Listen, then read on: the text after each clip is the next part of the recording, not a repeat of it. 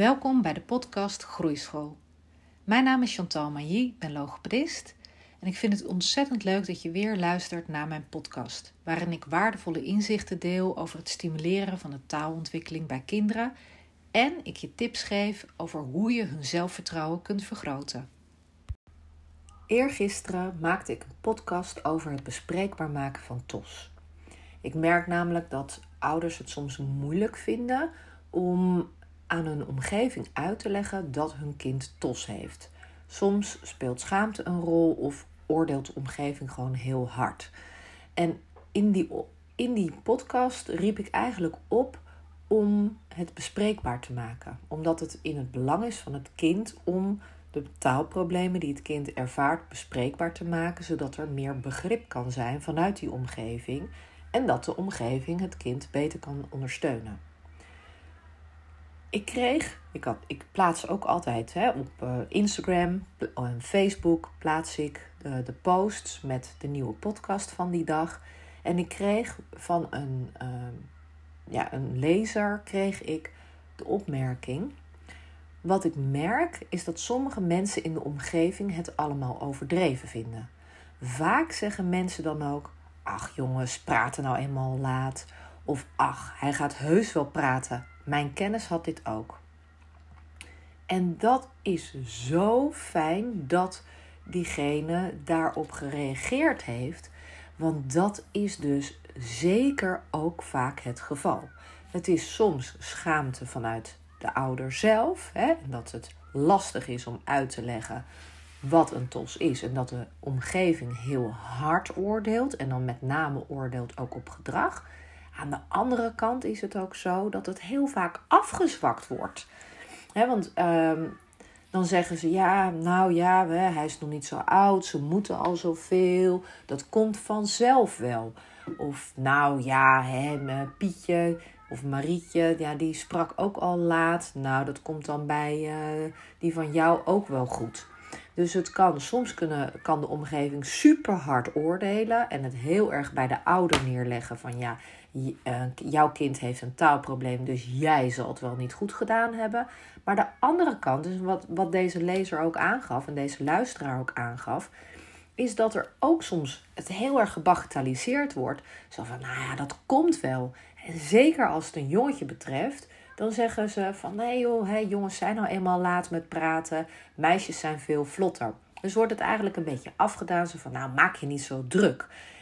Terwijl je je wel druk mag maken als jij als ouder zijnde het gevoel hebt, of jij als leerkracht zijnde het gevoel hebt, het taalniveau van het kind klopt niet. Het is niet op niveau. Eh, mijn kind is gefrustreerd, uh, uh, kan niet goed meekomen in de klas, heeft moeite om met vriendjes om te gaan. Dan mag je echt um, die zorgen serieus nemen en dan mag je ook echt hulp vragen van bijvoorbeeld een logopedist. En als je die drempel nog iets te hoog vindt, bespreek het met uh, de pedagogische medewerker van de peuterspeelzaal of op het consultatiebureau of met de leerkracht.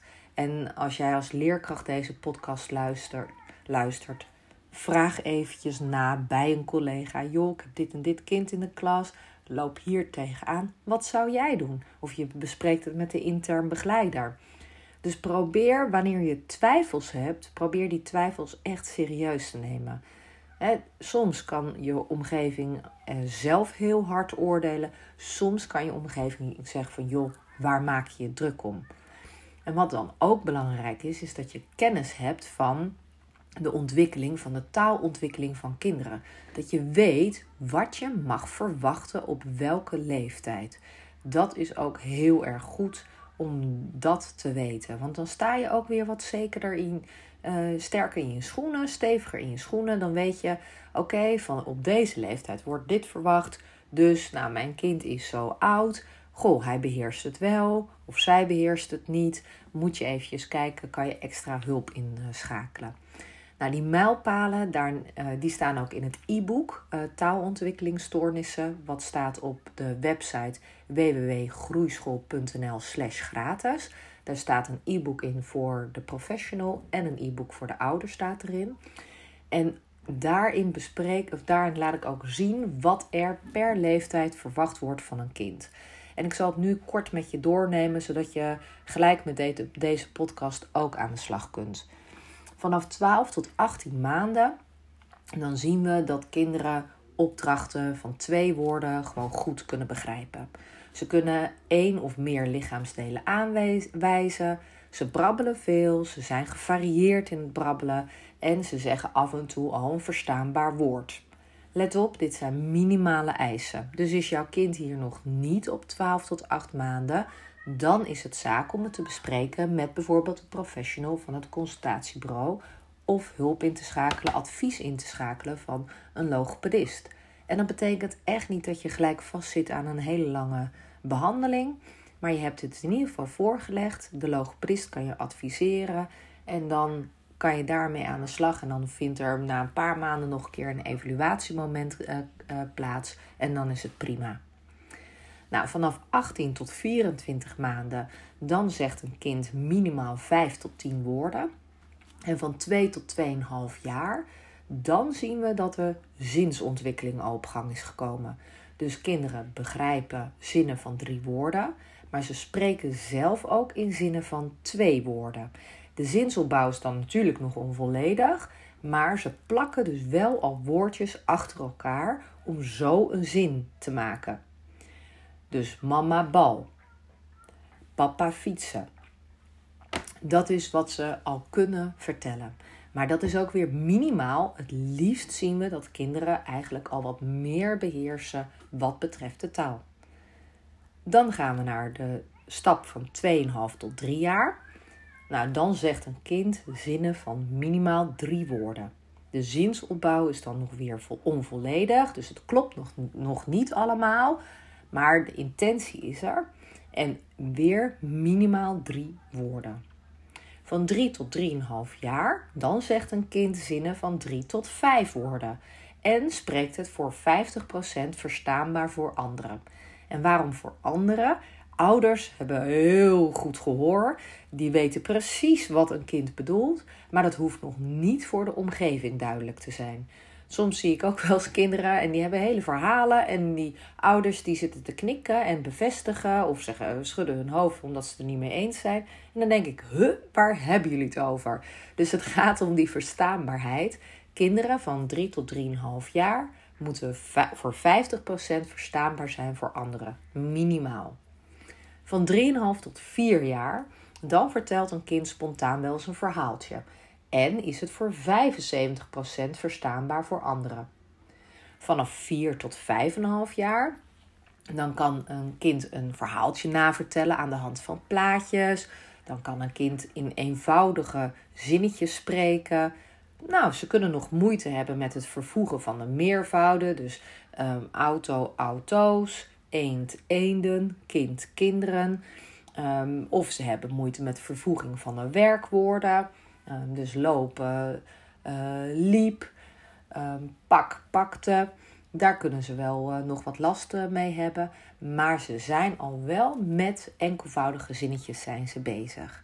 En de verstaanbaarheid is van voor 75 tot 90 procent verstaanbaar voor een ander. En ook dan geldt weer echt, ik kan het niet vaak genoeg herhalen dat dit de minimale eisen zijn. Dus mm, red jouw kind dit nog niet op een leeftijd van 4 tot 5,5 jaar. Trek dan alsjeblieft aan de bel.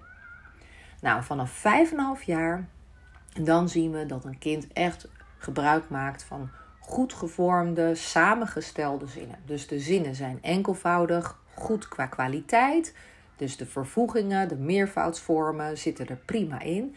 Kunnen samenstellingen zijn, dus ze kunnen een zin maken met want of omdat of en of maar. En ze zijn volledig verstaanbaar voor anderen. En dit zijn dus de minimale taalmijlpalen.